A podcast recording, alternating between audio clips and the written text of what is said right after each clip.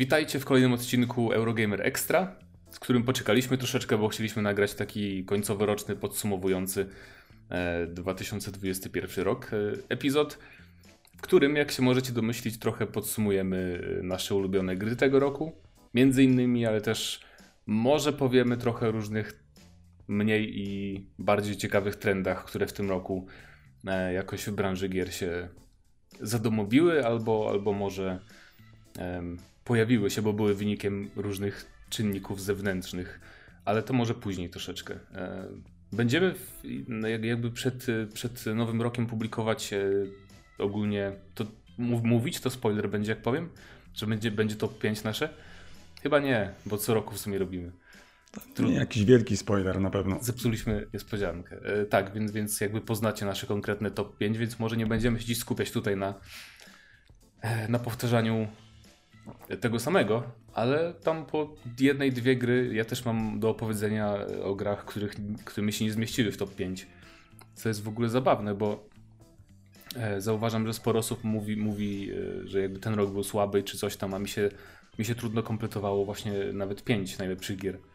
E, z tego roku, więc e, no, także... No pod względem takich blockbusterów, dużych, dużych gier, to na pewno ich nie było i to jakby no tak, o to, to chodzi, to, to, nie? To prawda, ale no to też było widać w tym The Game Awards, nie? że tam w tej kategorii nominowanych gier e, zazwyczaj co roku jest tak, że spodziewasz się co wygra, bo są takie blockbustery, jest ten jeden największy, a w tym roku było troszkę inaczej. Faktycznie, że tam Resident Evil Village, czyli taka gra, która nie jest jakimś tam ogromnym superhiciorem mainstreamu, chociaż może jest już w dzisiejszych czasach, ale no nie jest to God of War, czy nie jest to RDR, czy nie jest to The Last of Us, że tam się znalazło faktycznie. Um, ale no, ja muszę. Nie, ja nie chcę, nie, nie chcę dużo gadać, więc y, może komuś oddam głos, bo też zaraz, zaraz zacznę, zacznę kaszleć, jak, będę dużo gadał. Więc. To znaczy tak, y, jak w sumie, jak powiedział Przemek, w kontekście gier wysokobudżetowych, jeżeli ktoś jest miłośnikiem takich gier, ja osobiście E, takim e, miłośnikiem e, siebie nazywam. Jestem miłośnikiem gier wysokobudżetowych właśnie, więc, więc to był najsłabszy rok, jaki od dłuższego czasu pamiętam pod tym kątem. Jeśli chodzi o duże, fajne gry, to było ich albo mało, albo praktycznie wcale. Ja nie jestem w stanie wymienić. Oczywiście nie mówimy tylko o budżecie, ale i o skali projektu o tym, co gra może przynieść. Jeżeli nie wiem, myślimy o Far Cry 6, to dla mnie to już nie jest taki klasyczny, wysokobudżetowy tytuł. Jest to duża, fajna gra, ale to jest coś troszeczkę poniżej tych największych tytułów. Nie wiem, Red, poniżej Red Dead Redemption 2 oczywiście, poniżej um, God of War, o którym wspomnieliście i tak dalej, więc więc nie. Jeżeli myślę o Battlefieldach i Call of Duty, to również bym tutaj. Może Battlefield to jednak była taka, był taki tytuł klasycznie wysokobudżetowy, przynajmniej tak, tak spozycjonowany, ale jakby to, co sobą zaprezentował, już było nie do końca wysokobudżetowe. Więc tak szczerze mówiąc, dla mnie bardzo trudna lista do kompletowania najlepszych gier w tym roku. I i gdyby nie te właśnie rzeczy mniejsze, to w zasadzie. Znaczy, one w sumie zdominowały, tak, tak mi się wydaje, ten rok. One zdominowały, one wypełniły lukę.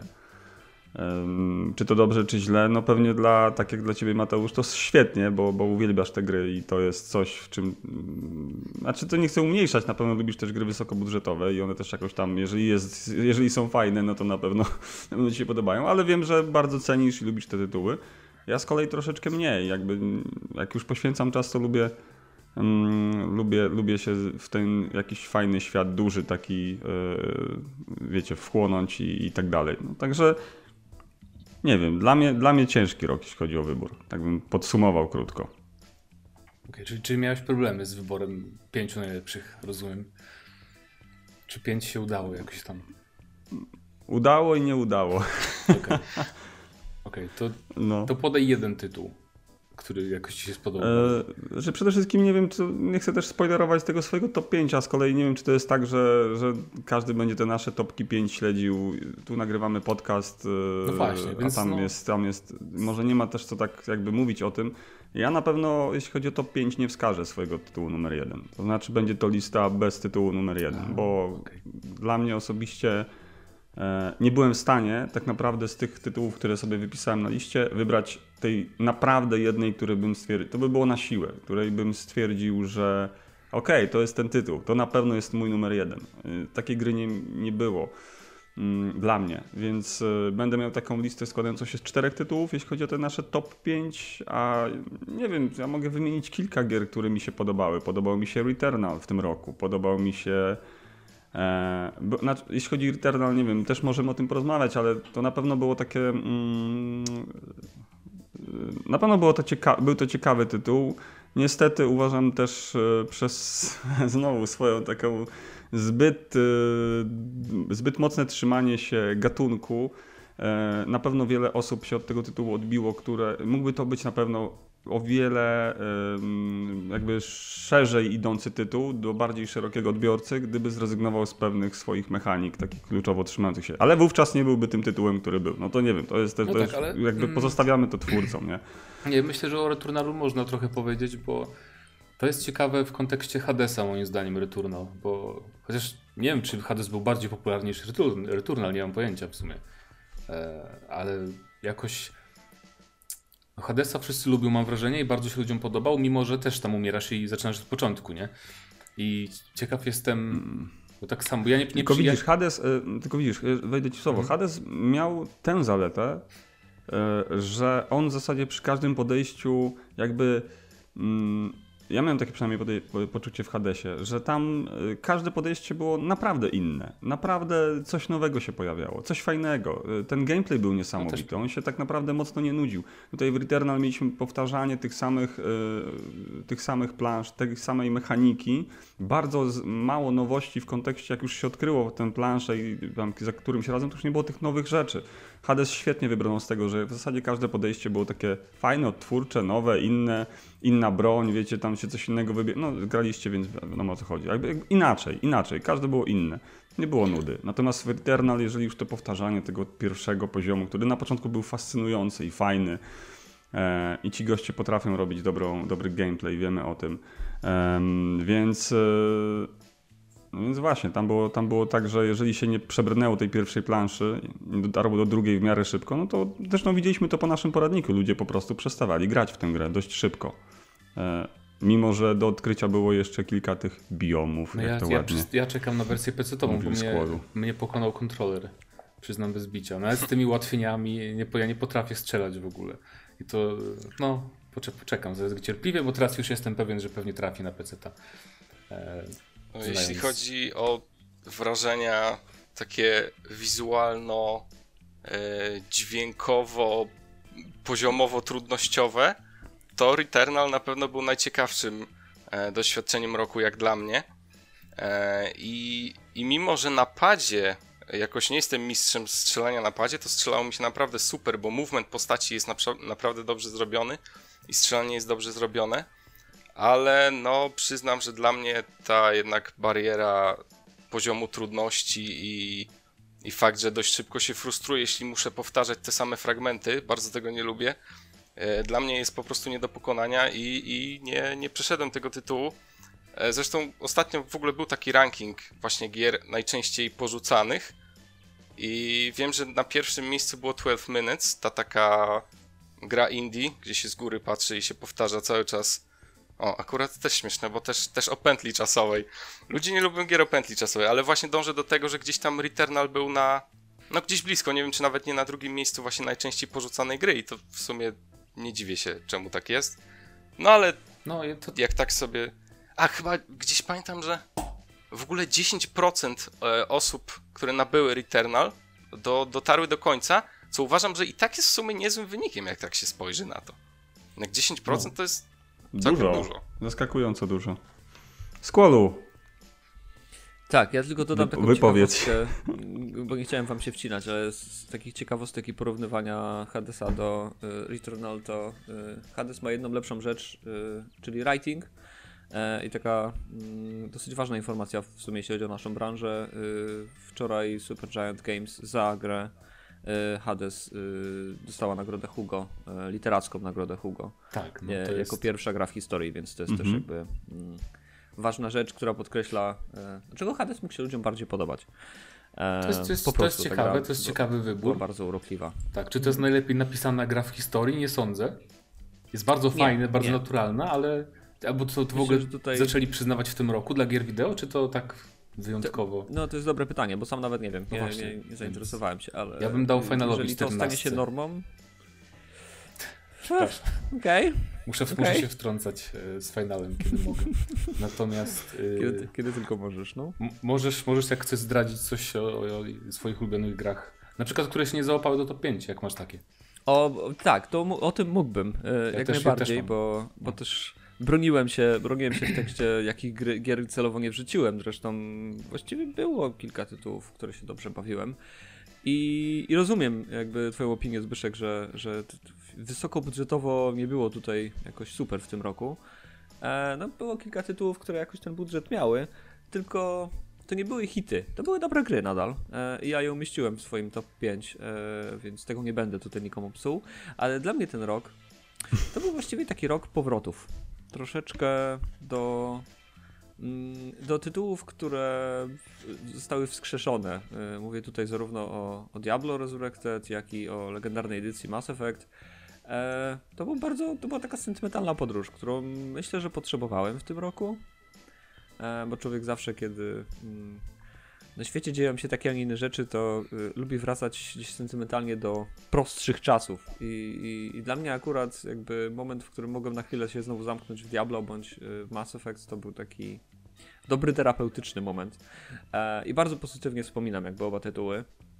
Mm, no niestety oczywiście jakby to nie jest tak, że czar prysł, ale, ale jednak było tyle innych interesujących nowych tytułów, że, że szkoda było mi czasu poświęcać na, na coś, co już e, ukończyłem w tuż i wszerz.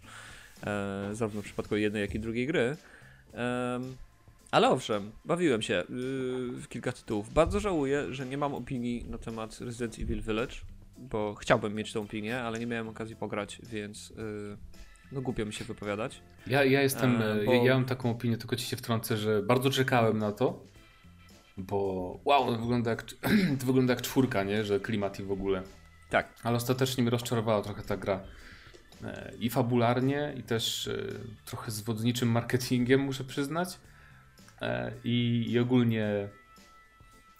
Jakby... Ja, ja, lubię tego typu zwodniczy marketing właśnie, okay, dlatego okay. Ale to, taki... To, to mnie tym bardziej, wiesz, zyskuje moją sympatię. Okej, okej, okej. Ale, ale w każdym razie też ta gra nie miała jednak klimatu, bo tam było za dużo wszystkiego, moim zdaniem. Napchali mm -hmm. tam bardzo dużo, szczególnie akcji.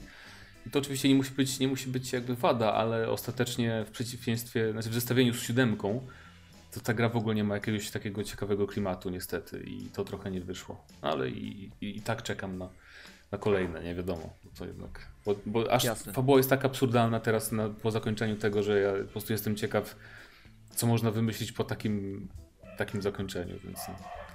Troszeczkę jak, jak z horrorami, po prostu za każdym razem setting się zmienia yy, no, zupełnie też. innym kierunku. E, przepraszam, ale właśnie moje psy gończe chyba zaczęły polować na kogoś na zewnątrz. E, no, także nie mogę powiedzieć, że jestem jakby tutaj fanem Resident Evil, bo ja nie miałem okazji pograć, e, ale jak najbardziej. E, było kilka tytułów, które nie wylądowały na liściach, o których warto powiedzieć, jak chociażby właśnie z powrotów. E, Psychonauts 2, gdzie psychonauci wrócili ponownie z kultowością swojej gry, ale tym razem moim zdaniem w sposób bardziej dojrzały. I, I to mi bardzo zaimponowało akurat i, i świetnie mi się grało w tak, grę. Tak. Ponieważ poza byciem przygodową platformówką, to ta gra przy okazji jeszcze mówiła o dosyć poważnych tematach. Tak, I, a propos, mówiła no. o tych tematach w sposób jakby oddający szacunek i, i honory temu, nie wyśmiewający tego, tak jak, tak jak wszystkie choroby psychiczne.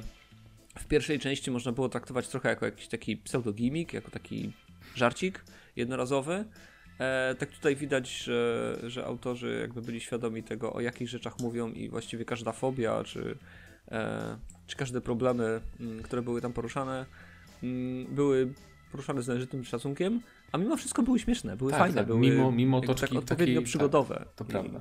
I, i to, to, było coś, co, co jakby ja nie ukrywam, że zagryzałem zęby, jak, jak uruchamiałem pierwszy raz tę grę, bo mówię, kurczę, to może się nie udać, to, to może być na tyle nietrafione, że, że, że pozostawiam po sobie, że tak powiem, spalone pole. A, a jednak okazało się, że, że można.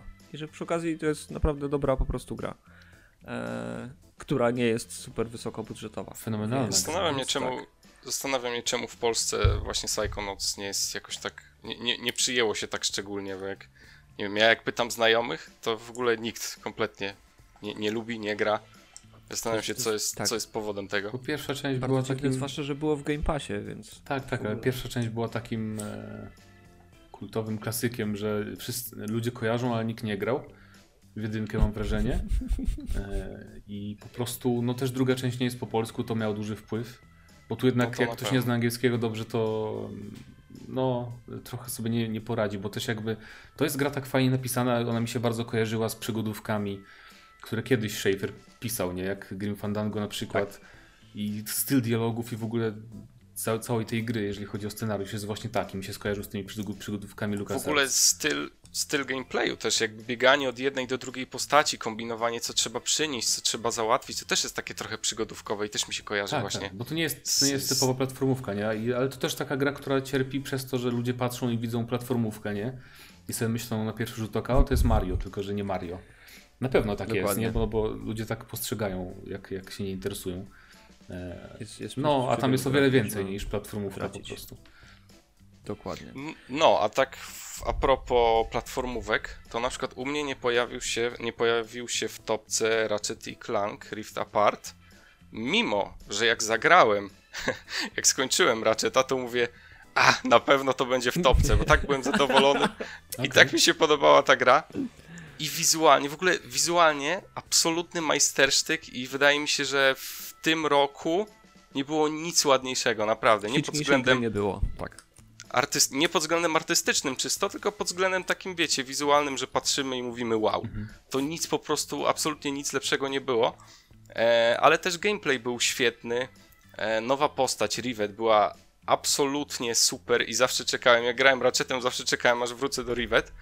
E, ale właśnie tak później sobie zdałem sprawę, że w sumie ten gameplay jest ok, ale nie zaskakuje, bo znowu wiecie, to się opiera na tym, że znaczy nie wiecie, znaczy, no nie to wiecie. był raczej ten klank po prostu gameplayowo, nie? Tam nie było aż takich no, no, no. nowości. No tak, że praktycznie po prostu to są e, jakby poziomy platformowe, na których się strzelamy i zdobywamy coraz to nowe bronie i w sumie tyle.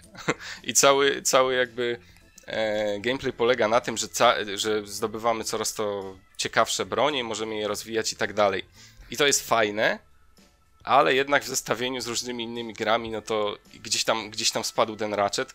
Chociaż myślę, że tak się teraz zastanawiam, to naprawdę blisko był i myślę, że gdzieś na szóstym, siódmym miejscu może by wylądował, więc no naprawdę świetna giera. No, ale jak tak. chcecie jak chcecie coś ładnego zagrać, to oh, to Ratchet jest w ogóle mega, naprawdę. Najpierw musicie kupić. W ogóle pierwsza, pierwszy poziom, na którym się tam wychodzi, jest ta wielka parada. To jest opad szczęki, naprawdę. To jest niesamowite. Tak, ja, ja tutaj od siebie jeszcze dodam, że mm, jakby poza platformowym aspektem, to ja napisałem to akurat w swojej topce, więc trochę sam sobie spoiluję własny tekst, ale mm, ja grałem całego Ratcheta, nawet do recenzji na najwyższym poziomie trudności. Hmm. E, bo przy okazji, poza byciem fajną platformówką, która absolutnie wygląda prześlicznie, to ta gra jest całkiem ok shooterem. Trzeba korzystać z osłon, trzeba kombinować, zmieniać bronię, jakby stosować konkretne bronie do konkretnych przeciwników. Jak się okazało, było to bardziej przemyślane niż, niż, yy, niż oczekiwałem. E, I spędziłem na niektórych poziomach, na, na licznych próbach jakby przejścia tego z sukcesem e, sporo czasu, ale to nie był czas, który był frustrujący dla mnie bo ja jakby właśnie dobrze zaprojektowany poziom trudności polega na tym, że człowiek się nie frustruje na grę, tylko na to, że jakby mi coś nie wyszło, że to ja jeszcze wymagam treningu, ja muszę się nauczyć czegoś, muszę być lepszy i akurat Ratchet i Clank zaskakująco jest tutaj świetną grą e, dla, dla osób, które szukają jakiegoś wyzwania, czego się kompletnie nie spodziewałem i dlatego też dostało to jedno oczko dodatkowo i w, wpadło w, w piątkę. Okay. Moją, więc jak najbardziej. Jest to dobra gra, ale mieliśmy też kilka ciekawych tytułów, też nie mówię o super wysokim budżecie, ale z Polski. Bo i Medium w tym roku wyszło, i Game Deck w tym roku wyszedł. To były polskie tytuły, o których też się dużo nie mówi, a to jednak były całkiem ciekawe tytuły, które wnosiły coś do branży, moim zdaniem. Z naszego polskiego poletka. W Medium jeszcze nie grałem, więc muszę nadrobić. No właśnie, e. ja Medium szczerze mówiąc uważam za chyba z, z tych gier, które grałem, Bluebera, to jednak najgorszą grę. W sensie mhm. w, ogóle, w ogóle mi nie podpadł, nie, e, nie spodobała się ta, ta perspektywa. I... Czy tam, tam, Co mieli taką grę na samym początku, pamiętam. Coś ale Bomberman. Mm. A nie, to w to, w to nie grałem. W to nie grałem. Ja to ale... recenzowałem niestety, ale... Okay.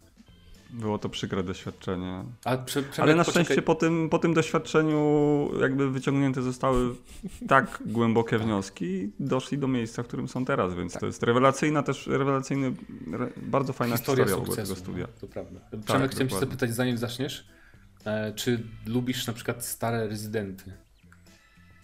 Jeżeli mm. chodzi o styl eksploracji i tak dalej, i tak dalej, taki specyficzny. Wiesz co? Yy, znaczy, nie to, że jakoś specjalnie lubię, ale to nie był problem z, z The Medium. Okay. Problem był na przykład z tym, że, że przez to, że ja widzę tą bohaterkę, ja ją widzę z trzeciej osoby i tak dalej, to chciałbym ją jakoś poznać, e, jakoś się z nią zżyć, żeby mnie obchodziło, co się z nią stanie. A uważam, że Marianna, tak? Że ona tak nie za bardzo miała charakter, który dało się lubić. I, I to, że ona była taka nudna, i przez to, że też lokacje, przynajmniej do momentu, do którego doszedłem, bo porzuciłem tę grę, więc nie mogę się wypowiedzieć na przykład o drugiej połowie. Mhm. I przez to właśnie, że lokacje były też tak, tak ponure, ale ponure nie w taki ciekawy sposób, jak na przykład Little Nightmares 2, e, tylko ponure w taki sposób e, nudny po prostu dla mnie, to, to właśnie przez to, przez to porzuciłem tą grę. Jakoś w ogóle, w ogóle mi się nie spodobała. I bohaterka, i świat. Spotkałem się z ciekawą opinią gdzieś po, pod którymś filmikiem e, na YouTube, jak ktoś rzucił, że to jest bardzo fajna gra dla ludzi, którzy lubią również urbex yy, i, eksplorację jakichś starych opuszczonych budowli, więc yy, w ogóle nie spodziewałem się, że ktoś może na to zwrócić uwagę. Ale, ale to, jest, to jest fakt, ciekawe. Yy, owszem, później troszeczkę się te lokacje zmieniają, bo wychodzimy jakby z tego kompleksu do lasu z powrotem. Ale ja na przykład y, chciałbym, żeby była możliwość wybierania w tej grze tylko poziomu tego pierwszego, kiedy jesteśmy w tym e, post-PRL-owskim mieszkaniu. E, bo absolutnie to był majstersztyk dla mnie, jakby i, i, chodziłem w kółko tak naprawdę, mimo że już nie mogłem nic robić i wchodzić w interakcję, tylko dlatego, że te kadry wyglądały tak bardzo autentycznie, e, że, że byłem po prostu zakochany, więc, więc to mi się bardzo podobało. E, plus, mimo wszystko, jakby writing był, był bardzo interesujący, jak na polską produkcję, więc, więc tutaj jestem zadowolony z tego. I, i dlatego jakby wspominam ten medium. E, podobnie zresztą jak Game Deck, który, który mimo że jest na podstawie e, prozy przybyłka, to e, dobrze mówię tak. Mm. A przyszedłeś to... Game Decka może? Nie przyszedłem. Nie przyszedłem. Ja też nie, ale powiem ci, że jakoś w połowie. Ja z Game Deckiem mam taki mały problem, że momentami polska wersja brzmi jakbym czytał coś nie do końca dobrze przetłumaczone. Wydaje mi się, że to była gra pisana po angielsku, mhm. co może jest dziwne, ale nie wiem, takiej naprawdę raz na godzinę mam, mam, mam taką jakąś linię dialogową i patrzę na nią i tak sobie myślę, że to jest przetłumaczone tak jakby ktoś nie rozumie, jakby, tak jakby to było tłumaczone z angielskiego, nie? I to, to mnie trochę wybijało momentami z rytmu. Natomiast y, to prawda, że Game Deck y, jest przede wszystkim tym, co miałem nadzieję, że powstanie jakby taki nurt nowy w tych niskobudżetowych RPGach e, po Disco Elysium, nie? że tam nie ma walki, tak. tylko to jest RPG po prostu o odgrywaniu postaci, taki bardziej e, jak Więcej sobie... dialo- skupiony na tak, dialogach. na dialogach, no. interakcjach, więc pod tym względem to jest na pewno bardzo fajne. No i to uniwersum jest też świetne. E, I muszę przeczytać książki teraz chyba pana Przybyłka, bo nie czytałem nigdy. A to jest całkiem... Musisz, nie musisz, ale to na, poza antenią możemy pogadać. Okej, okay, spoko. Mam natomiast... swoje powody, ale nie chcę, żeby były publiczne. Okej. Okay. Natomiast, natomiast no, tak. nie, bo nie, nie wiem ile jeszcze światu, bo ja tak naprawdę zagram może 10 godzin, też pewnie może koniec, nie, nie mam pojęcia, ale ja też bardzo dużo chodziłem tam, lizałem ścian. E, no ale zobaczymy. Na pewno, na pewno dobry, nie wiem czy to jest ich debiut tego studia, ale na pewno bardzo fajny taki największy projekt. Tylko właśnie no, to się wstrzeli w taki moment trochę premierowy, że wtedy wychodziło dużo gier większych mm, i troszkę to jakby było przykryte przez inne, niestety, e, inne tak. premiery po prostu. Tak, ale, ale jak... niemniej dla samego studia to jest duży sukces. Więc tak, więc... tak, tak. Ale z polskich rzeczy jeszcze Rift Breaker mi się spodobał bardzo. Tak. Bo to w ogóle, jeżeli nie wiecie co to jest Rift Breaker, no to wyobraźcie sobie StarCrafta 2, łącznie z hordami zer zergów. E, tylko, że sterujecie jakby jedną postacią, która siedzi w wielkim mechu i jednocześnie budujecie bazę sobie, jak w StarCraftie właśnie, tam umocnienia, tam mury, coś tam, jakieś wieżyczki obronne, ale jednocześnie też się poruszamy tą postacią jakby w czasie rzeczywistym i celujemy ją jak, jak w The Ascent na przykład, tak? czy jak w top-down shooterze. Że mamy jednocześnie strzelankę z hordami wrogów i rozbudowę bazy. I to jest połączenie, którego może istnieje gdzieś w jakiejś innej grze, ja sobie nie przypominam teraz, żeby ktoś zrobił coś takiego. E, I to naprawdę zrobiło na mnie wrażenie właśnie pod tym względem pomysłu samego i też, że e, jakby technicznie to jest świetnie zrobione, bo żadnych przycinek przy takiej ilości wrogów i możesz tutaj przecież wycinać całe lasy dosłownie i tam jednym cięciem miecza, e, więc to jest naprawdę imponujące też pod względem takim wizualnym ta produkcja. Więc tak. No ogólnie, tak. ogólnie Polska jakby branża w tym roku tak bardziej zwróciła moją uwagę właśnie tymi mniejszymi tytułami, takimi, co też nie były reklamowane za bardzo, bo na przykład Coffee Noir wyszła taka gra, gdzie też nie wiem, czy w ogóle są jakieś recenzje za bardzo w internecie, ale y, jesteście detektywem, który się wciela, jakby musi rozwiązać sprawę, żeby rozwiązać sprawę musi się, musi udawać, że jest właścicielem firmy produkującej kawę i musi załatwiać jakby interesy z ludźmi, umawiać się co do jakichś tam dostaw i po prostu umów dotyczących kawy, ale jednocześnie przesłuchuje tych gości, z którymi robi jakieś tam te y, deale. I ta warstwa produkcji kawy jest jakaś tam rozbudowana, jest pełno tabelek, jakichś statystyk, y, więc to jest coś też strasznie, strasznie ciekawego. I pewnie jeszcze coś by się znalazło. Przeglądam, przyznam szczerze, YouTube'a naszego, że chcę przypomnieć polskie rzeczy. jeszcze. O! O tym chciałem powiedzieć Outriders. później że nikt nie pamięta, że to wyszło, a jednak pamiętasz z kulu. Właśnie mi się przypomniało. Okej, okay, to jest ciekawy przypadek. No? To jest ciekawy przypadek, bo to jest gra, w którą się przyjemnie grało, ale jakoś no nie wiem, nie, nie, nie czułem tam, żeby cokolwiek jakby przekonywało mnie do zostania w endgame tak zwanym w tej grze.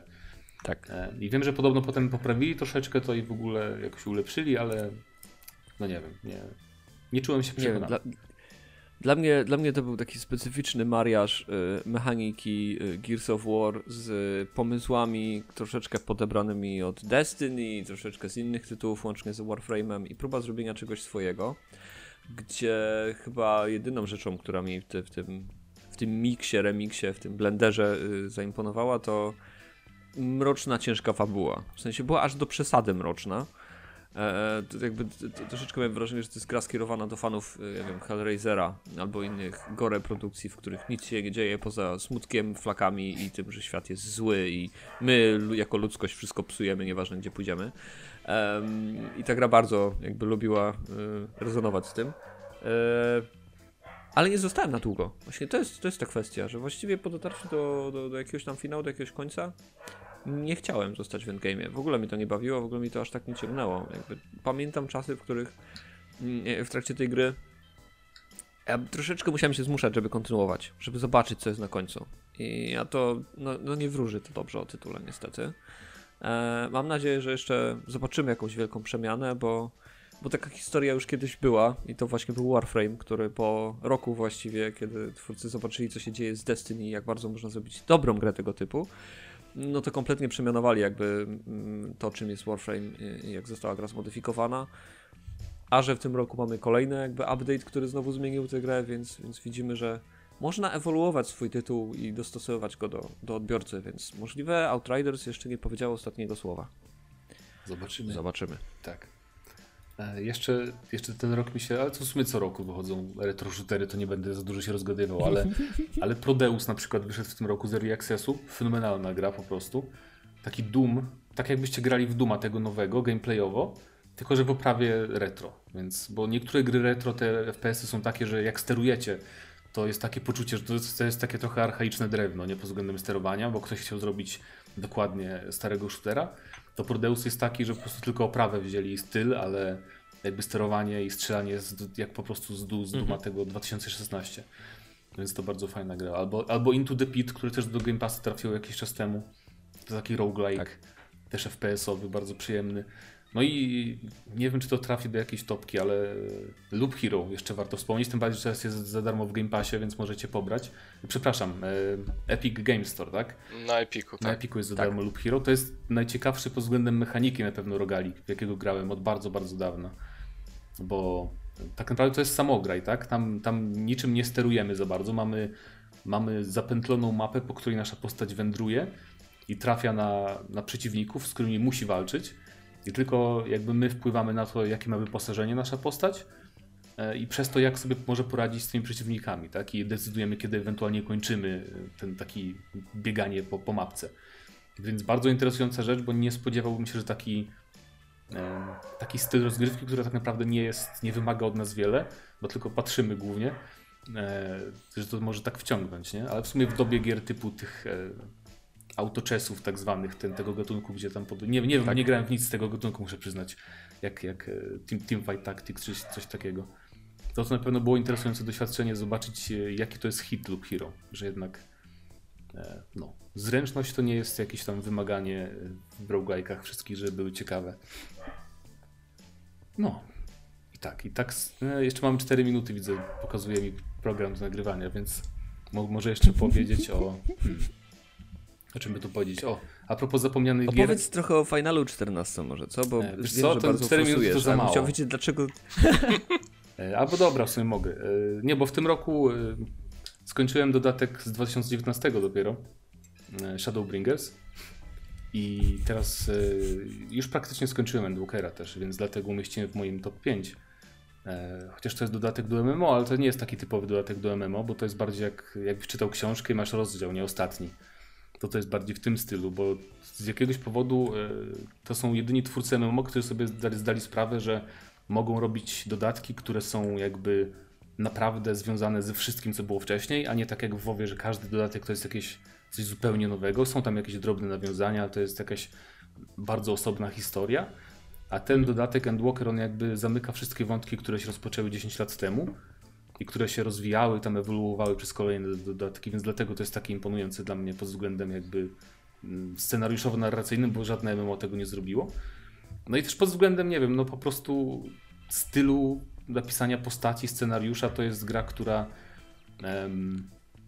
to nie jest tylko jedno z najlepszych MMO, ale jedno z najlepszych gier w ogóle, w jakie grałem, jeżeli chodzi o scenariusz. Problemem oczywiście jest to, że gameplay stricte tam jest jak w MMO, więc to niektórych już odrzuca no i ja wiem, że dużo osób nie zagra w to nigdy. Natomiast jakby wyjąć gameplay i tam wstawić, nie wiem, gameplay powiedzmy bardziej w stylu akcji, to to by było spokojnie jedno najbardziej popularne Final Fantasy wydaje mi się, albo tam w top jakimś tam, bo, bo dla mnie obecnie te dwa ostatnie dodatki to stoją u mnie na równi z Finalem szóstką, czyli moim ulubionym w ogóle Finalem. W poprzednim dodatku był najlepszy moim zdaniem w ogóle villain złoczyńca. Tak można, nie jest do końca złoczyńcą, to też jest fajne, że w tym finalu są takie jakby nieoczywiste postacie. W ogóle w historii całej serii. Jeden z najlepszych i no niech, jakby w tym nowym dodatku jak zacząłem przygodę, pomijając wszystkie problemy z serwerami, to że trzeba było czekać tam na, na wejście na serwer 5 godzin i dopiero niedawno naprawiono błędy, że wyrzucało z kolejek, to chodzi mi o to, że zaczynasz przygodę i mijają dwie godziny, zanim w ogóle jest jakaś walka, co jest nie do pomyślenia w żadnym MMO innym. Jakby w, po prostu jest, zawsze jest, są jakieś quest od razu, żeby kogoś zabijać, coś takiego, a tutaj masz, masz zadania, że tam cię gdzieś jedziesz, tam rozmawiasz z ludźmi, interakcje, podziwianie nowych tam miejsc i no nie mogę mówić, bo to spoilery oczywiście, ale e, no dwie godziny masz tak naprawdę narracji historii w dodatku, e, zanim zaczniesz walczyć po raz pierwszy z jakimś tam potworkiem. Więc e, no to jest fenomenalna rzecz i jakby i nawet jakby relacje między postaciami i to, że teraz ja wspominam niektóre sceny z tej gry, tak jak kiedyś wspominałem, czy do dziś wspominam jakieś sceny z Mass Effecta, jeżeli chodzi o interakcje między postaciami, czy z Dragon Age'a. Więc to jest do tego stopnia dobrze napisana gra, że też ta postać traktuje NPC-ów i ciebie w tej grze jako jakby przyjaciół, grupę taką zżytą, a nie tak jak w WoWie, że jesteś, mimo że jesteś tam generałem, czempionem, to jesteś cały czas chłopkiem, chłopcem na posyłki, który, na posyłki. Tak, którego nie ma w scenkach za bardzo, który tam jest takim, eh, no niby jesteś ważny, ale dobra, bo tutaj ważne postacie gadają, to cicho bądź. Stań sobie z boku. Tak, więc, więc, to też jest bardzo takie ciekawe Super. osiągnięcie. No. Więc, Mateusz tak wspaniale, tak wspaniale opowiada o finalu 14, że aż się że nawet, że nawet ja bym chciał zagrać, gdzie ja w ogóle, w ogóle Niestety... MMO to nie jest mój gatunek, ale naprawdę jak słucham e, Mateusza albo czytam jego tekstów o finalu, to mówię, nie, to, to musi być super. Jakbym, jakbym nie miał bardzo dużo gier w backlogu, które chciałbym przejść i, i w końcu chcę mieć to z głowy, to myślę, że bym spróbował, ale chyba w MMO nie da się wkręcić na tydzień i porzucić. Chyba, chyba to tak nie działa. No nie, to, to MMO to nie są takimi grami, że możesz e, tak, tak po prostu jakby wskoczyć e, od taki jakby. No, no to, to jest właśnie, ogólnie tam jest 200 godzin kontentu, żeby dojść do Endwalkera, samych misji fabularnych, więc polecam. Ale tak. Y, super. tak. Um, Ale sprzedałeś. Uh. Jako, że, jako, że temat, jako, że temat. Ja wiem, że tego się nie da sprzedać za dobrze, więc whatever. Natomiast jako, że temat przecież tego podcastu to nie tylko gry, które prawie są naszymi grami roku, ale też gry roku. To oczywiście specjalnie budowaliśmy wstęp, żeby to dłużej trwało. Um, to teraz e, skupmy się na tych naprawdę najlepszych. E, I kto chce, kto chce przejąć pałeczkę, proszę bardzo. Bo, dla mnie, ja już od razu zgradzę Final, Final 14 i Psychonauts 2 to są dwa pierwsze miejsca, a że już o nich rozmawialiśmy, no to jakby więcej za bardzo nie powiem. To ja mogę powiedzieć o grze Indie, która była dla mnie największym zaskoczeniem roku. I tak myślałem, że mi się spodoba, ale nie, nie sądziłem, że wyląduje w topce gier. E, I to jest gierka, która nazywa się Chicory A Colorful Tale. I to o. jest gra indie 2D, w której kontrolujemy e, pa, pieska, panią piesicę. Nie chcę innego słowa użyć brzydkiego, który jest w, pol w polskim języku, bo mi się nie podoba. E, więc kontrolujemy panią piesicę, która jest właścicielką magicznego e, pędzla, który jest w stanie kolorować świat. Cały świat jest wypruty z kolorów, jest całkowicie biały, są tylko kontury I głównie gameplay polega na tym, że my sobie eksplorujemy ten świat i my sobie go kolorujemy. Maziamy mhm. sobie pędzlem, to jest tak super zrobione. E, jakby feeling tego, zawsze się mówi, że na przykład feeling strzelania albo feeling biegania, no to tu jest feeling maziania pędzlem, tak. zrobiony świetnie. I nie dość, że to jest e, odprężająca gra właśnie pod tym względem, że możemy sobie zasiąść i kolorować cały świat. I wiecie, i my sobie coś pokolorujemy, to wszystko można edytować, y, wymazywać, e, wiecie, pójść gdzieś, wrócić i to wszystko zostaje i tak dalej. Narysujecie gdzieś buźkę, ona zostaje. Nawet jak pójdziecie na drugi kraniec mapy i wrócicie. To nie dość, że to jest odprężające, to jeszcze Chicory jest yy, dość wymagającą grą logiczną, bo tam jest sporo zagadek logicznych, środowiskowych, w których też wykorzystujemy ten pędzel magiczny i to jest zrobione naprawdę w tak super przemyślany sposób, bo, bo ta bohaterka nasza może na przykład pływać w farbie później, może się przenosić w jakiś sposób, może zeskakiwać ze skał później. Jedna ze zdolności to właśnie skok. Tak, tak, taką hmm. zdolność zdobywamy, ale właśnie zdobywam coraz więcej tych zdolności. Brzmi bardzo ciekawie. A to jest w Game Passie, czy nie? Nie, nie, to właśnie nie ma, nie ma nigdzie, nie ma nawet po polsku, powiem szczerze, mm -hmm. co jest y, o tyle niefortunne, że dialogi są tam świetnie napisane. Wiecie, to jest oczywiście jedna z tych gier, która nie ma udźwiękowionego dialogu, ale ma dialog animowany, co jest świetnym wyjściem w, ta w, w przypadku takich gier. Nie wiem, czy wiecie o co chodzi, ale chodzi o to, że słowa, litery i tak dalej są animowane w taki sposób, że my wiemy w jakim tonie się wypowiada ta tak. osoba i co ma dokładnie na myśli. I to jest super rozwiązanie, ale w ogóle dialogi są tak świetnie napisane tutaj. E, i, I właśnie dialogi, no bo ta gra ma fabułę e, i też mimo, że ona jest taka kolorowa i może sprawiać wrażenie, że to jest po prostu kolorowanka dla dzieci, to porusza tematy w, ważne i to w taki, w taki dojrzały sposób, bo porusza tematy e, depresji, samotności, e, jakby poszukiwania swojej drogi w świecie albo E, stawiania sobie jakby zbyt, zbyt wysokich wymagań co do własnej osoby, e, przyjaźni. I to jest naprawdę, wiecie, to jest jedna z tych gierek, które się ładnie określa po angielsku. E, jak? Mateusz może będzie wiedział. Nie wiem. E, wholesome. A, wholesome. Okay. Właśnie. Wholesome, czyli takie, wiecie, takie ciepłe, takie miłe, miłe dla serca, można powiedzieć, ale, ale jest też mroczna po prostu pod pewnymi względami też, tak jak mówię, porusza takie tematy. Absolutnie dla mnie zaskoczenie roku. E, muzykę robiła pani, która robiła e, właśnie soundtrack do Celeste, więc jest okay. absolutnie super. E, naprawdę szczerze polecam. Jeżeli nie macie problemu z angielskim, to, to zdecydowanie warto i myślę, że się nie zawiedziecie. To, zresztą to jest gra, w której jak nie wiemy co zrobić, możemy iść do budki telefonicznej, zadzwonić do mamy i zapytać się, co robić. I ta mama mówi nam, albo tata, bo mama mówi tak, e, troszeczkę tak podpowiada, ale możemy też taty zapytać i tata nam dokładnie powie. Także to jest gra, w której możemy zadzwonić do rodziców, kiedy nie wiemy, co chcemy, co może, e, co musimy zrobić. Muszę, muszę, muszę zagrać. Czego chcieć więcej? Muszę zagrać, Bardzo ciekawie to brzmi, e, przyznam szczerze. No, świetna E, e, gierka, naprawdę. Dla mnie Rozumiem, że to tytuł, absolutnie. który, e, bo powiedziałeś o tym, że jakby gameplay może wskazywać na tytuł dla dzieci. A teraz, czy rzeczywiście dzieci mogą w to zagrać, czy nie? Nie, nie. Za, tru, za trudne zagadki. Aha. Znaczy, możesz y, dziecku dać tę grę i jako kolorowankę. O to mi chodziło Bo, właśnie. bo to się, łatwo, to się łatwo koloruje. Niektóre przedmioty, jak klikasz, znaczy większość obiektów, jak klikasz, to one wiesz, od razu się kolorują na jakiś dany kolor. Masz też różne opcje, że na przykład możesz wypełnić cały obszar kolorem, żeby to szybko zrobić. Ale zagadki zdecydowanie są za trudne, zagadki zdecydowanie są do, dla dorosłych, fabuła jest dla doro, dorosłych i dialogi są na tyle trudne, że absolutnie myślę, żadne dziecko. Okej, ale wiesz, jest gra po angielsku, więc zawsze, bo ja szukam, jeżeli tak, jak mi powiedziałeś, zainteresowałem się tym tytułem, bo szukam czegoś, co mogę wtedy razem z córką zagrać. Ona ma niecałe 8 lat i ja będę jakby czerpał inne, ona będzie tam powiedzmy malowała, jakieś jej zagadki mogę podpowiadać, ja sobie będę czerpał z fabuły. Ona i tak nie będzie rozumiała po angielsku, więc nie będzie z tych. y, Rozumiem, że wtedy nie pozna tej, tej mm, mrocznej, Mrocznej powiedzmy, strony. części tej gry.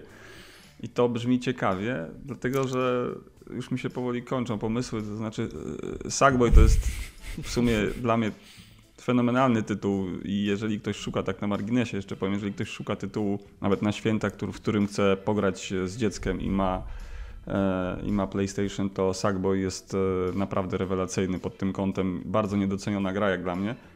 A jest fenomenalna. Naprawdę w kooperacji y, z dzieckiem to jest Mistrzostwo Świata. To jest coś, co cały ten rok nam tak naprawdę zabrało, jeśli chodzi o mnie i o córkę, bo my maksujemy ten tytuł jakby cały czas, nie? więc to jest, to jest świetne, świetne. I, i, i dźwiękowo, y, i dźwiękowo, i tak właśnie kolorowo, i, i przyjemnie, i relaksująco, ale i wymagająco. Nawet bym powiedział, że bardzo wymagająco w momencie, kiedy się kiedy się nie włączy tego trybu takiego, wiecie, nieśmiertelności, to z, tak, z dzieckiem jest naprawdę trudno. Może, może dwóch dorosłych, takich doświadczonych graczy by sobie poradziła. To nie jest łatwa gra wbrew pozorom. No ale to na marginesie. To właśnie w E, ogóle Bardzo fajny rok- tytuł, e, Przemek. Dzięki, dzięki za, za W ogóle przypomniałeś mi, że jeszcze jednej ważnej rzeczy nie powiedziałem, że w Chicory są też walki z bossami. I walki z bossami wyglądają tak, że wiecie, kontrolujemy postać, jakby uciekamy od różnych ataków, a drugą ręką, no tak, no bo to na padzie pewnie jest y, drugi analog, więc drugą ręką e, atakujemy pędzlem. I, I wiecie, i trzeba mieć tą podzielność uwagi, i to jest też super, ale walki z bossami są tak zrobione, że e, nawet jak dostaniemy kilka ciosów, to gra nas troszeczkę cofa i po prostu musimy, no, musimy przejść jakiś dany fragment. I, I jeżeli nam się nie uda, to troszeczkę nas cofa i, i tak dalej. I tak przechodzimy takie kolejne fragmenty. Ale gierka jest, y, jest mega i, i szczerze polecam. Fajnie, bardzo fajny tytuł. E, Jeśli o mnie chodzi, to tak e, już e, abstrahując od tego, że tego pierwszego miejsca nie przyznam. Wow, jaki jestem, nie? Tak sobie pomyślałem, że to niezbyt narcystyczne podejście do tematu. Ale jakby jest szereg tytułów, które, które się być może tam zmieszczą. Ja szczerze mówiąc jeszcze nie wiem, czy coś wypadnie, czy nie. Tak zastanawiam się nad tym. Natomiast na pewno Skłolu wspomniałeś o, o Diablo 2, które y, bardzo mnie zaskoczyło, bardzo mnie pozytywnie zaskoczyły ten remaster. Y, co prawda niestety nie dało się w niego grać przez pierwszy, czy pierwszą, tam powiedzmy pierwsze nawet nie dni, ale wręcz powiedziałbym tygodnie. Mm, Ja miałem bardzo często tam przerwanie połączenie, to nieważne. W każdym razie y, Diablo naprawdę odświeżone jest świetne i mega mi się podobało i, i to jest zaskakujące, że te remastery, właśnie tak jak powiedziałeś, y, są taką fajną, sentymentalną odskocznią, w, w, ucieczką w bezpieczne miejsce w naszej wyobraźni, które kiedyś było i kojarzyło się nam bardzo fajnie. Fajnie, bardzo, bardzo ładnie to porównałeś i, i w sumie też takie odczucia miałem. Tak samo z Mass Effectem, który jak wiemy też jest jedną z moich e, ulubionych gier, może w, nawet w historii. W ogóle dla mnie osobiście prawdopodobnie Wiedźmin 3 i Mass Effect to takie dwie dwa, mm, dwa powiedzmy tytuły, do, które, są, które są dla mnie bardzo ważne, ale E, ten Mass Effect, właśnie też grając w niego odczułem to samo co ty i też gdzieś go wysoko umieszczam, mimo że to jest remaster. Mhm. Teraz pytanie, czy, czy te remastery to właściwie my powinniśmy umieszczać w tych topkach, nie? Bo... No, no, dla mnie była ciężka decyzja i tego nie zrobiłem właśnie. No właśnie, Chciałem natomiast dać, dać inne tytuły na liście. Z drugiej strony od premiery Diablo minęło tak długo, tak dużo czasu, że to w zasadzie no właśnie nie wiem, Wtedy jak to rozpatrywać, ale. Nikt nie robił. Jeszcze tak, tak. się nie liczy. Natomiast zask- to, co mnie zaskoczyło w Diablo 2, że po nałożeniu tej oprawy chce się już w to grać i to się nie zestarzało. To się naprawdę, świe- to, to się naprawdę świetnie gra. To ma naprawdę doskonały klimat. Yy, bardzo dobry gameplay. Nie wiem, ja, ja, ja, nie widzę tam jakichś dużych, znaczących wad, nie? Jeżeli oczywiście bierze się pod uwagę, że to jest tytuł sprzed 20 lat tylko odświeżony. Ale to jest, to jest genialne, że jednak tak. Y, ponadczasowy tytuł, nie? Myślę, tak, że takich tytułów jest... Zresztą... Mhm. Fabularnie jakby, mimo że każdy zna właściwie fabułę Diablo 2, to yy, ja jako osoba też jakby dlatego mam zamiłowanie do Mass Effect, bo, bo lubię grzebać w, w lore, lubię grzebać w fabule yy, gry. E, no to dopiero teraz przy, przy, przy, przy, przy mm, Diablo Resurrected, tak? E, dopiero jakby zacząłem zgłębiać elementy fabularne, które kiedyś myślałem, że znam. E, do tego, do, do tego stopnia, że y, kiedy nie grałem w Diablo, to oglądałem filmiki. Y, jest na YouTubie mm, jeden taki YouTuber, y, Game Lord Dash, który w bardzo ciekawy sposób opowiada fabułę, która jest w Diablo, zarówno w jedynce, w dwójce, jak i w trzeciej części, mm, do której wiele graczy nie dociera, bo na przykład po każdym zejściu do kolejnego poziomu lochu nie wracają do miasta, żeby porozmawiać z ludźmi. A on to robi i on pokazuje, jak bardzo więcej kontentu pod kątem popularnych opowieści, poszerzenia w ogóle historii tych postaci, potworów, demonów, wszystkiego co tam jest, możemy odkryć. I absolutnie jakby byłem zachwycony tym, że jest znacznie więcej loru Diablo w tak starej grze. I mhm. nigdy do tego nie dotarłem. I to było naprawdę tak, tak. Nowe Mamy też zaskakujące, ile zapomniałem z Diablo 2 i właśnie mm. odkrywa... ponowne czytanie, nic nie w zasadzie rzecz biorąc można powiedzieć, że wiele nie pamiętam, nic nie pamiętam, ale dużo nie pamiętałem i jakby czytanie tych rzeczy i, i słuchanie też w sumie ym, naprawdę było fajne, nie? To nie tak. było, nu, nu, nie, nie przeskakiwałem, jakby nie pomijałem tego, tak? Tylko się temu przysłuchiwałem, żeby na nowo odkrywać tę grę i to jest niesamowite. E, tak jest. I drugi tytuł, który wymieniłeś też właśnie, Mass Effect, ten remaster, też jest dla mnie mhm. bardzo ważną grą tego roku i też mi dał e, Przyznam, że nie przeszedłem całej, całej tej e, całej trylogii na nowo, bo to jest jakieś zbyt, zbyt wiele godzin. Nie wiem ile to by łącznie było, ale aż się boję pomyśleć. Natomiast rzeczywiście spędziłem sporo czasu w tej w jedynce. Ona tak jakby, mhm. wiesz, też najbardziej zapomniana, ale i też naj, najbardziej odświeżona, można powiedzieć. Tak. I też z tymi wszystkimi DLC, co do niektórych yy, pamiętam, że jakby nie miałem styczności z nimi. To było też fajne, bo na, nie, bo na niektóre trafiłem dość szybko, które były dla mnie nowością i to fajne. Yy, inaczej i to, i to jakby było bardzo fajne. Yy, I też właśnie, no świetny tytuł, ale znowu remaster, nie? więc tak jakby y, nie wiem jak to ugryźć, ale jeszcze się zastanawiam. Nie, no, myślę, że spokojnie można, nie? No jakby to jest subiektywna top, top lista, a nie jakieś tam... Subiektywne i dlatego na, właśnie w tej subiektywności lista, jest jeszcze jeden tytuł, y, który, y, który, który teoretycznie powinienem umieścić, ale tego chyba nie zrobię, bo to już by była gruba przesada. E, Death Stranding, Director's Cut. I, i, to, jest, i to jest coś, co, co chyba w tym roku zrobiło na mnie takie, jeśli chodzi o świeżość, o nowość, bo ja nie grałem w, w jakby w, mhm. oryginał. Okay. E, więc to było dla mnie nowe, świeże. E, do tego Director's Cut. E, więc przyznam, że jest to fenomenalna gra. Fenomenalna gra. Po prostu. Co, zazdrościsz? Drugą osobą. Nie, nie, jesteś tak, jesteś drugą osobą, i, która w przeciągu 48 godzin mówi mi o, o Director's Cut, więc Aha. ja chyba święta spędzę y, dowożąc paczki. Jest, no. Ja jestem gdzieś na około 35% gra mi pokazuje, więc jeszcze sporo przede mną. Natomiast y, te 35% jakby ujawniło przede mną tytuł no, fenomenalny, fenomenalny. Szczególnie, szczególnie już pomijając mechanikę i to wszystko, co się z nią wiąże, e, przede wszystkim mi się podoba e, koncept fabularny. E, to jest po no. prostu znakomite science fiction, znakomite. Jedno z lepszych w ogóle w historii gier, to już w ogóle. To powinno mieć nagrodę o tego Hugo, którym chociaż to w sumie w tym roku nie było, ale to jest naprawdę napisane i wyreżyserowane, ale napisane, jeśli chodzi o sam scenariusz tej gry i, i to, jak jest przedstawione to wszystko, to jest bardzo wysoka liga.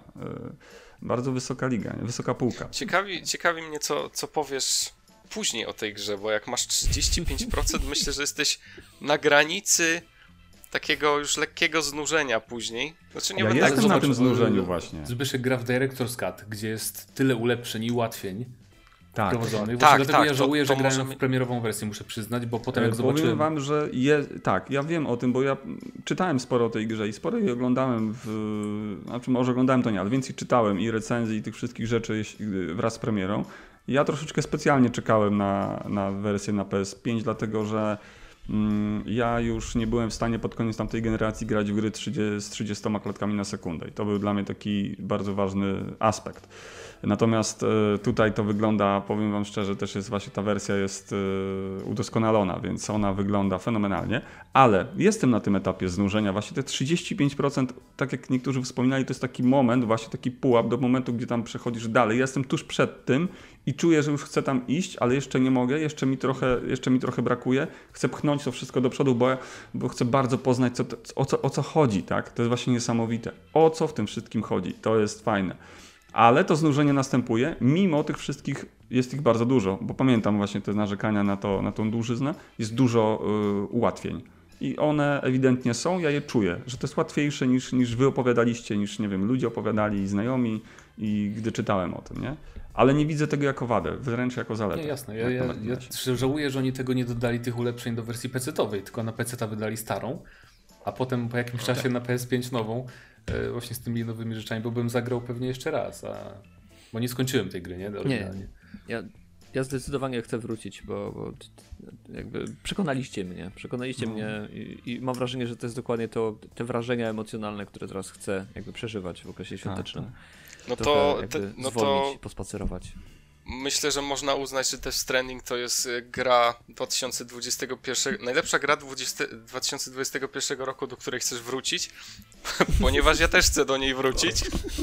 ja też chcę do niej wrócić i specjalnie kupiłem sobie Director's Cut i to już dawno temu tak naprawdę, bo ona, była, ona nie była jakoś tam droga, jak się miało tą, tą podstawową, a, on, a była chyba w jakiejś promocji, myślę, mhm. kupię sobie, na pewno wrócę. No i tak leży i czeka ale tak, wrócę. Tak. Warto. Ale wrócę. I jeżeli ktoś się zastanawia nad jakimś tytułem, bo z racji tego, że tych właśnie wysokobudżetowych gier w tym roku nie było wiele, um, takich właśnie z prawdziwego zdarzenia, a w Death Stranding taką dla mnie, takim tytułem dla mnie jest, yy, więc um, jeżeli ktoś zastanawia się, co może sobie w tym roku kupić i właśnie na tą przerwę między świętami a, a Nowym Rokiem, w co sobie może zagrać. Jeśli chodzi o takie tytuły, ma PlayStation 5, to jest to, jeżeli nie grał, to jest to moim zdaniem w tym roku najlepszy wybór, jeśli chodzi o tego rodzaju tytuł. Jeżeli nie grał, to Director's Cut na PlayStation 5 jest naprawdę, i to mówię szczerze, yy, tak jakby otwarcie, nie pożałuję. Oczywiście na początku jeżeli lubi science fiction. Najpierw trzeba kupić PS5.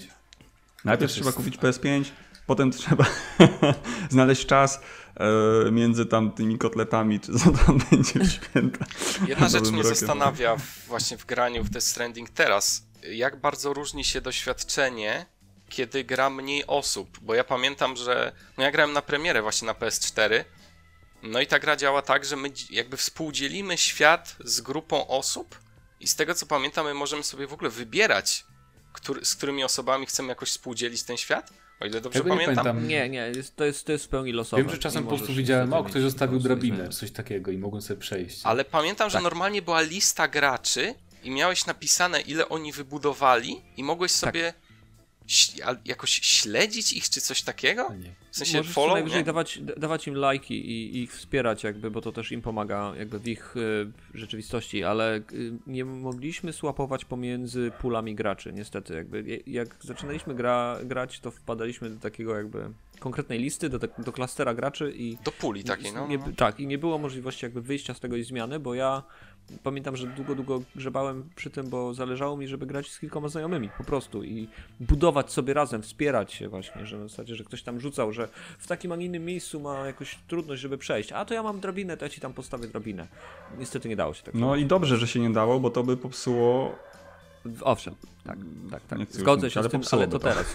Jakby, nie będę jakby... kończył. To by popsuło po prostu. No dobra, no ale to teraz, teraz jak no. dużo osób ma, wiecie, dużo w świecie pobudowane, mają tam no nie będę mówił, miałem mówić jedno słowo, ale nie będę mówił, bo to w sumie jest spoiler.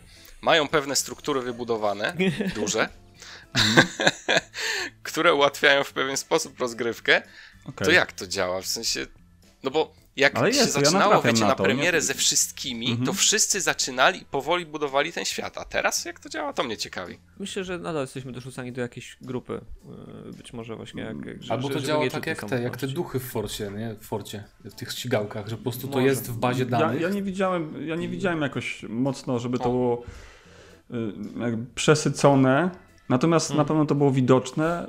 Może miejscami, przepraszam, może miejscami czułem, że jest troszeczkę za dużo tego. To można wyłączyć oczywiście, ale ale z kolei jak się to wyłączy, to też się traci pewne mm, ułatwienia po prostu, ułatwienia duże, tak? Pomoc innych. No. To A jest... to jednak jest duża gra i tak, te tak, ułatwienia tak, tak. nie sprawiają, że tracimy jakby na, na doświadczeniach z niej. Mhm. Więc jak najbardziej warto, no.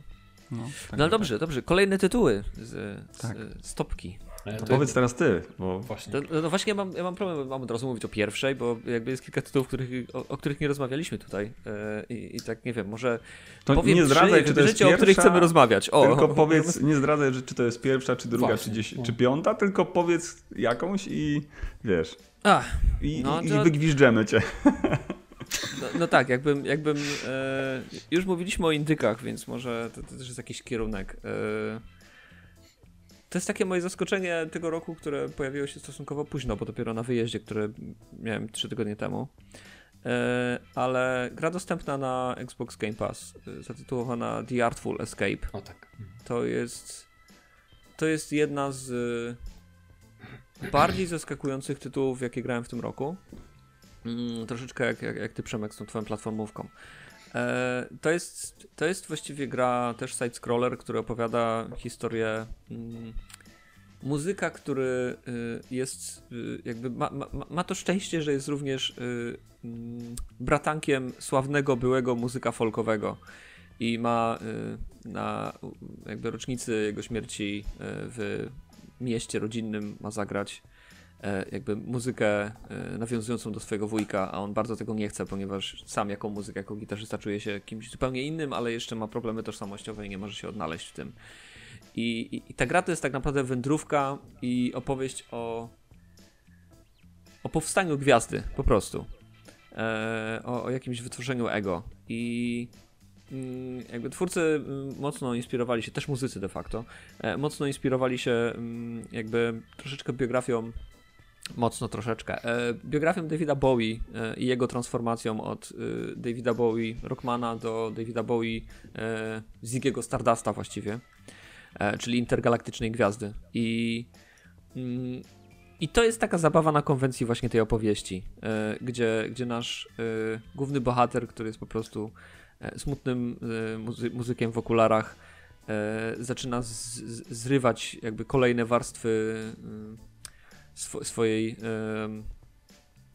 swojej skromności i staje się kimś e, naprawdę wielkim, gdzie faktycznie jakby cała podróż jest intergalaktyczna i podróżujemy po kosmosie, zmieniając wygląd i pokonując kolejnych potworów, e, bossów i, i właściwie wszystkie jakieś e, zagrożenia, które pojawiają się w kosmosie za pomocą solówek gitarowych i wspólnego koncertowania, bo to też jest jakby istotny element mm. tej gry, że tam przeciwnicy często wy, wy, wyzywają jest jakby na pojedynek muzyczny.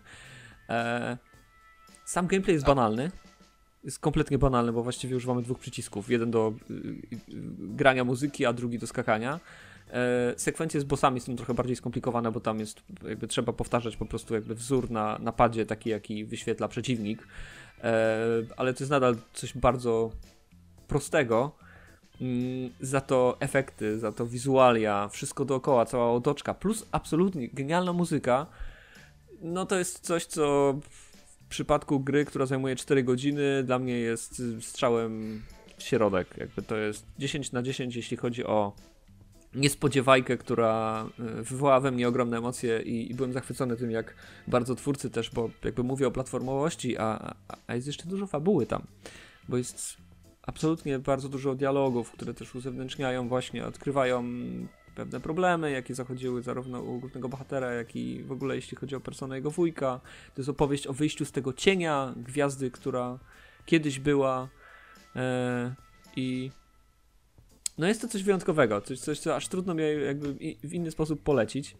E, ale byłem, nie ukrywam, że byłem wielokrotnie zaskoczony właśnie tym, jak bardzo ta gra może się zmieniać względem tego, co my robimy i jakie decyzje podejmujemy, bo mm, na przykład jest wywiad y, telewizyjny, w którym odpowiadamy na pytania i te jakby odpowiedzi na pytania to jest właściwie kreowanie tego backstory, tej mhm. historii, jak my jako ta gwiazda powstaliśmy e, i możemy tam wymyślać bzdury z cyklu, że nie wiem, wyskoczyliśmy na gitarze, na solówce gitarowej z oka jakiegoś olbrzyma, e, bo, bo byliśmy gdzieś zamknięci. I to brzmi kompletnie absurdalnie, bo właśnie to wymyśliliśmy przed chwilą spośród tam kilku opcji dialogowych, które mogliśmy wybrać, a to ma odzwierciedlenie później w gameplayu, gdzie faktycznie jakby część rozgrywki nawiązuje do tego i jest ten moment, kiedy wylatujemy z oka olbrzyma na, na gitarze solowej w akompaniamencie jeszcze większej ilości muzyki, efektów świetnych bardzo epicka podróż. To jest, to jest coś niesamowitego, co do samego końca trzyma i, i, i jest bardzo przyjemną nowelą, bo myślę, że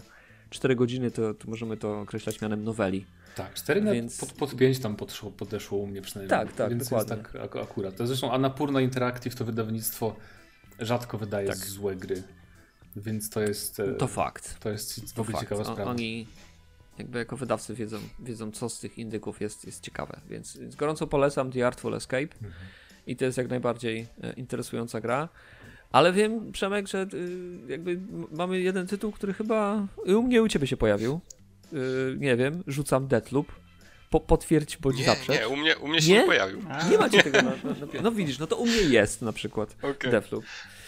I zdecydowanie, tylko nie wiem tutaj, czy, jakby, czy, czy muszę bronić Deathloopa, bo to jest wyjątkowa gra, Myślę, ale, że ale jest bardzo tak. jakby... Narracyjnie jest świetna i styl, stylowo, stylistycznie. Świetnie, za, świetnie, absolutnie świetnie zagrane postacie, to na pewno. I słuchanie dialogów to było, to było jedne z, jakby z, lep, z lepiej napisanych dialogów i bardziej, najbardziej przekonywujących, jak dla mnie. Ale mimo wszystko porzuciłem tą grę, ale chyba ze względu mhm. głównie na problemy wersji PC, które były zaraz po premierze i problemy związane z jak, jakby e, z framerate'em, jakby z pacingiem, e, jakby z synchronizacją, coś tam tych, tych klatek, no, no tak, ogólnie tak, techniczne rzeczy, które, przez które źle mi się grało i po prostu przez to porzuciłem tą grę, ale zapamiętałem, co zapamiętałem, że, że, że ten jakby koncept pętli był koncept pętli z początku trudny do zrozumienia i wydaje mi się, że jakby samouczek tej gry mhm. mógł być lepiej zrobiony i nie wyjaśniać pewnych rzeczy, wiecie, w tutorialach takich klasycznych ramkach, gdzie trzeba czytać, tylko jakoś może gameplayowo mogło to być lepiej zrobione. To zapamiętałem i zapamiętałem nie najlepszą sztuczną inteligencję, którą można było zawołać czyli strzelić mhm. gdzieś tam, wiecie, ustawiając się w dobrym miejscu, oni po prostu biegli do nas nawet jednym korytarzem i po prostu można było ich załatwiać. To zapamiętałem. Tak. Ale porzuciłem tą grę, ale na pewno chcę wrócić.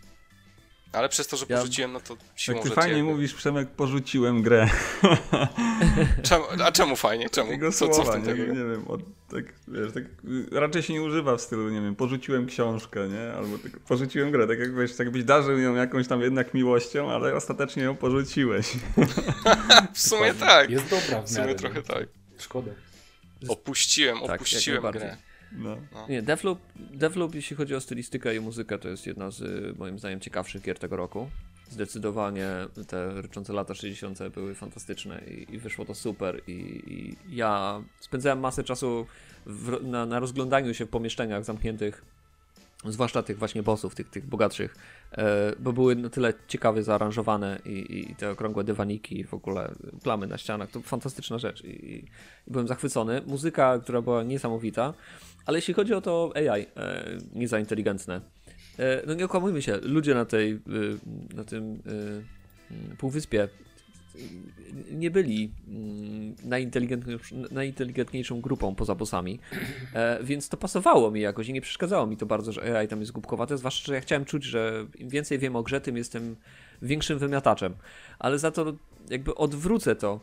Mm, jakie to było ciekawe wyzwanie dla mnie, kiedy grałem tą złą, i chciałem pokonać Cole'a. Mm, I często jakby podszywałem się pod yy, NPC-ów. I w momencie, kiedy gracz się pojawia i zaczyna robić głupoty, to żeby od razu nie być zdemaskowanym, ja musiałem też grać troszeczkę głupie AI. I biegać tam, gdzie oni, i krążyć, i odwracać się plecami często do gracza, żeby udawać, że go nie widzę. Tylko po to, żeby też zaplanować tą idealną zasadzkę, którą miałem gdzieś tam w głowie. I nie ukrywam, że pod tym względem nie było lepszej gry w tym roku dla mnie. Jakby ja, ja, ja lubię jednak mimo wszystko mieć jakąś tam zabawę rywalizacyjną, tylko że zwykłe nie wiem, battlefieldowe, chodź do ciebie strzelę, albo o, tam biegniesz, to do ciebie strzelę. To nie jest to samo, mhm. gdzie możesz się bawić troszeczkę w te gierki psychologiczne, yy, które absolutnie w Deathloopie można było stosować wszemi wobec. grałeś, i, i, grałeś w Deathloop trochę jak, pamiętam, e, dawne multiplayery w Assassin's Creedach. Tam były tak, takie tak, właśnie, że tak. można było się jakby wcielić w NPC'a, tak jakby, i właśnie tak, to była ja te gierki psychologiczne, że kto jest NPC-em, a kto jest mm -hmm. prawdziwym graczem. No, tak, tak, tak masz mnie, 50 level w pierwszym Asasynie y, Brotherhood, gdzie był multiplayer. To, właśnie, to było bardzo fajne. Bo tak się wkręciłem, więc, więc no, mm, przyznaję, Devloop dlatego w moim serduszku jest bardzo y, wysoko właśnie przez to. E, więc tak, no. Ma, ma jeszcze kilka innych tytułów, ale to mówię, może zostawię to dla kogoś, kto chce przeczytać. No właśnie. Jak, mm. jak mówiliśmy, znaczy Zbyszek mówił o grze, której nie dokończył jeszcze, to ja też sobie pozwolę. um, bo Pathfinder e, Wrath of the Righteous to jest gra, która mm. jest, e, mimo że jeszcze nie przyszedłem, bo mam jakieś 40 godzin, no to pewnie ze 100 mi zajmie, e, znając pierwowzór, to to jest najlepszy RPG roku, zdecydowanie. To jest taki bardzo klasyczny CRPG, wow no bo mówisz wow, jakby wyszły jakieś RPG w tym roku. Nie, bo to są, wiesz to, to są mocne słowa, więc dlatego jakby... Mm, a, a, co wyszło w tym roku z RPG? Chciałbym jakieś potwierdzenia tego. Nie, nie porównujmy tego do innych RPGów. Powiedziałeś, że to jest najmocniejszy RPG tego roku. No, no bo nic nie wyszło, ale też nie, nie. To jest, to jest po prostu... Yy, to jest dawanie komuś nagrodę tylko dlatego, że był jedyny, wiesz, jakby na wystawach psich, mimo że jeden pies jest no na tak, wystawie z danej rasy, to może, to może nadal nie wygrać. To może źle więc... zabrzmiało. E, nie, to jest naprawdę wspaniałe RPG. E, jeżeli ktoś lubi klasyczne CRPG, tak w stylu Pillars of Eternity. Bo to jest taka właśnie mhm. gra. E, pierwsza część, nie trzeba w ogóle grać w pierwszą część Kingmakera, bo to nie, nie ma związku fabularnego absolutnie żadnego.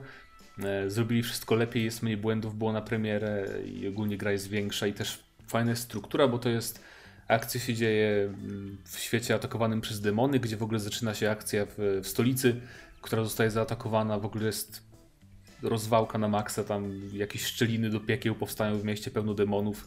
E, musimy na początku w prologu w ogóle przejmujemy to miasto w miarę, tam sobie radzimy i dopiero się zaczyna właściwa gra, gdzie mamy całą kampanię, żeby wyprzeć armię demonów z tego mhm. królestwa.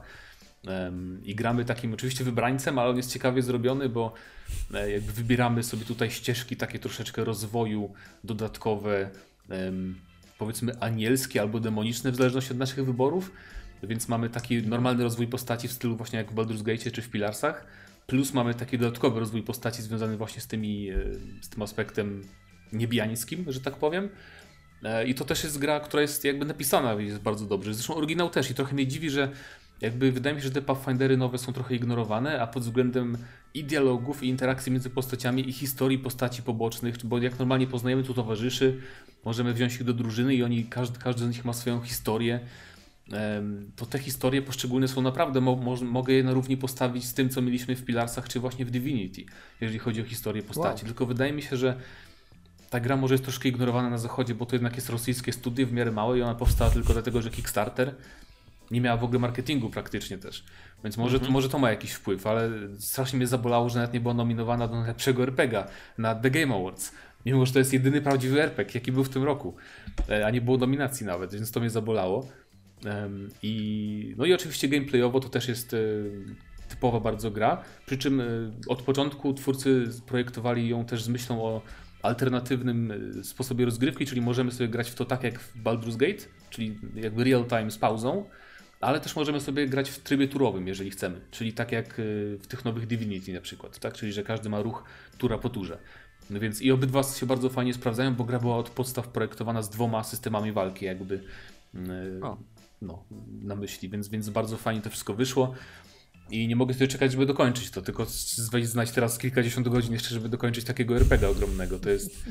Ale z drugiej strony mam nadzieję, że do Baldur's Gate 3 to mi zajmie, zajmie czas, jeżeli chodzi o ten typ gier. i bardzo polecam, jeżeli będzie na jakichś wyprzedażach, bo to już zadebiutowało we wrześniu, więc już będzie pewnie coraz tańsze się pojawiało w jakichś tam przycenach. Mm, to bardzo polecam. Jak rozumiem, obecnie tylko PC, prawda? Obecnie tylko PC. Niestety podstawka wyszła na konsolach, więc pewnie też e, to też się ukaże pewnie na PlayStation i tak dalej. Może wtedy zyska na popularności też na zachodzie. Miejmy nadzieję.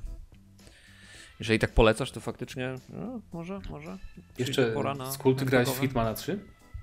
Grałeś? Nie grałem, A. niestety. Bo to też taka gra, co trochę ludzi zapomina, że to wyszło w tym roku, mam wrażenie. E, a to wyszło w styczniu. Tak. I też e, w moim top 10 się znalazło. E, tylko nie będziemy top 10 publikować, ale. No bo jakby nie, nie ma takich gier. Trochę mi brakuje właśnie tego gatunku. Fajnie, że ten Hitman jest i cały czas się trzyma i że twórcy też będą robić chyba kolejne części, mam nadzieję. Bo jednak takie skradanki, mimo że to nie jest typowa skradanka, bo tu jednak chodzi o zabójstwa. To, przebieranki. No właśnie, to, to e, jestem pod wrażeniem każdego levelu, jaki tam oni wprowadzili. Takie mm. po prostu, to jest takie the best of Hitman z całej serii jakby jeżeli o rozwiązania chodzi, różne mechaniki i tak dalej, jednocześnie ten, tą filozofię projektowania plansz, gdzie tam masz 30 sposobów wejścia do jakiegoś pokoju jednego i możesz zlikwidować cel na 15 różnych sposobów, więc to jest bardzo fajna rzecz, no to prawda. No i to by było chyba na tyle. Kurczę, jeszcze mam parę gier, ale już nie zdążymy. Ja też. No. E, bo nawet na mojej liście nie będzie Guilty Gear na przykład nowego. Znowu, że tak niszowym gatunkiem pojadę, to w tym roku i się ukazał. Fenomenalna gra graficznie, nawet jak nie lubicie bijatyk, to chociaż obejrzyjcie trailer, bo piękna gra. Jeszcze miałeś o Halo, o Halo, o Halo, o Halo, o Halo mieliśmy trochę inaczej, bo trochę gadaliśmy o multi tutaj, nie? I mieliśmy tak. też recenzję, to trochę inna sprawa. Ale o kampanii mogę powiedzieć tylko tyle, że gameplayowo jest fenomenalna, bardzo mi się podoba. W ogóle ta linka, linka z hakiem, jej mechanika i to rzucanie kontenerami z tymi zbiornikami z, y, wybuchowymi kosmitów, mhm. to wszystko bardzo wciąga, jest świetne i też to jest jedyny shooter taki, który na normalnym poziomie trudności jest trudny całkiem. Jak jesteś przyzwyczajony tak, do Call czy do Battlefieldu. to trudne. Tak, to tu naprawdę to, że masz różnych, różnych wrogów, każdy ma różne ataki i musisz inne bronie stosować, to tak jak nie, jak nie jesteś przyzwyczajony do Halo, bo nie grałeś dawno w kampanię, to o, umarłem, co się dzieje na normalnym poziomie trudności, więc to jest fajne. Ale fabuła zupełnie mnie nie obchodzi w tej grze. Jakby ja nie grałem nie, w piątkę. Nie, dokładnie. Nie grałem w piątkę i w Halo Wars 2, ale ta sztuczna inteligencja mnie to w ogóle nie obchodzi i też motyw tych starożytnych cywilizacji moim zdaniem żadna gra tego dobrze no, nie potrafi zrobić poza Final niestety, ni niestety nie. Zresztą, zresztą jakby też ta fabuła się mocno zmieniła od, od czwartej części. Mm, no, ale ja już od czwartej części jakoś powiem Ci szczerze, że tak... E, I, I to był właśnie poważny problem tak naprawdę. Ale mimo to... Halo, bo mimo... to jest spoko uniwersum, które tak. niestety twórcy zaczęli analizować, czy można znaleźć jeszcze większą rybę do tej wielkiej ryby. Tak, I... to, to jest problem. Ale mimo to fajne jest, że udało im się tę kampanię wyreżyserować w miarę dobrze, poza tymi dłużyznami. Chodzi mi, że są takie momenty, że tak mówisz sobie, wow, dobrze, tak, dawaj Master Chiefie, nie? Że są takie scenki fajne, że tam, nie wiem, wypada skądś tam, zostaje rzucany, jest taka mu muzyka jest dobrze dobrana, że to jednak są takie sceny, że potrafią hypować w tej tak. grze, mimo że tak, chociaż... troszeczkę się dłuży z kampania, nie? Jako... Dłuży się absolutnie do tego stopnia, że pamiętam, że jest jedna scena, w której nawet załącza się kultowa muzyka Halo i jedziesz Warthogiem z y, kompanami i, i, wiesz, że tak zazwyczaj kończyły się tak. Halo i, wtedy, i czujesz i wtedy to. sobie to, myślisz, to, to, szkoda, że nie ma pędzisz, kooperacji, a potem sobie myślisz jeszcze. To już swoją drogą, ale wiesz, pędzisz do tego finału wielkiego, który nagle się okazuje, że zderzasz się z jakąś tam bramą, otwierasz tą bramę i muzyka ucichła i tak, nadal jeszcze masz jeszcze dwa levele do tak. pokonania. Ale to I, by, I to było takie troszeczkę. To by było na tyle, bo musimy kończyć, bo nas utnie. Więc dajcie znać, jakie są wasze gry roku. Subskrybujcie, lajkujcie i tak dalej. Wiadomo, co chodzi. Odwiedzajcie eurogamer.pl. To by było na tyle dziś. Do zobaczenia w przyszłym roku. Cześć. Dzięki, cześć. Na razie.